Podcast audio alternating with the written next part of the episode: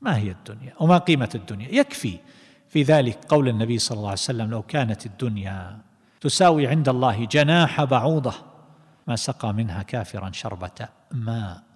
رأيت الدنيا من أولها إلى آخرها هذه التي يتزاحم الناس عليها ويتقاتلون ويتنافسون ويكدحون ويبيع كثير منهم دينه من أجل شيء تافه منها.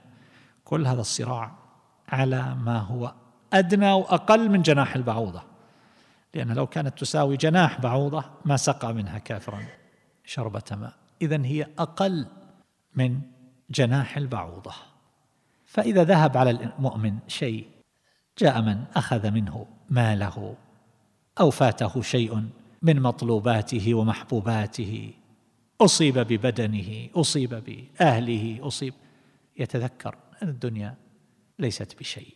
لا تساوي عند الله جناح بعوضة. فيطمئن ويهدأ ويسكن.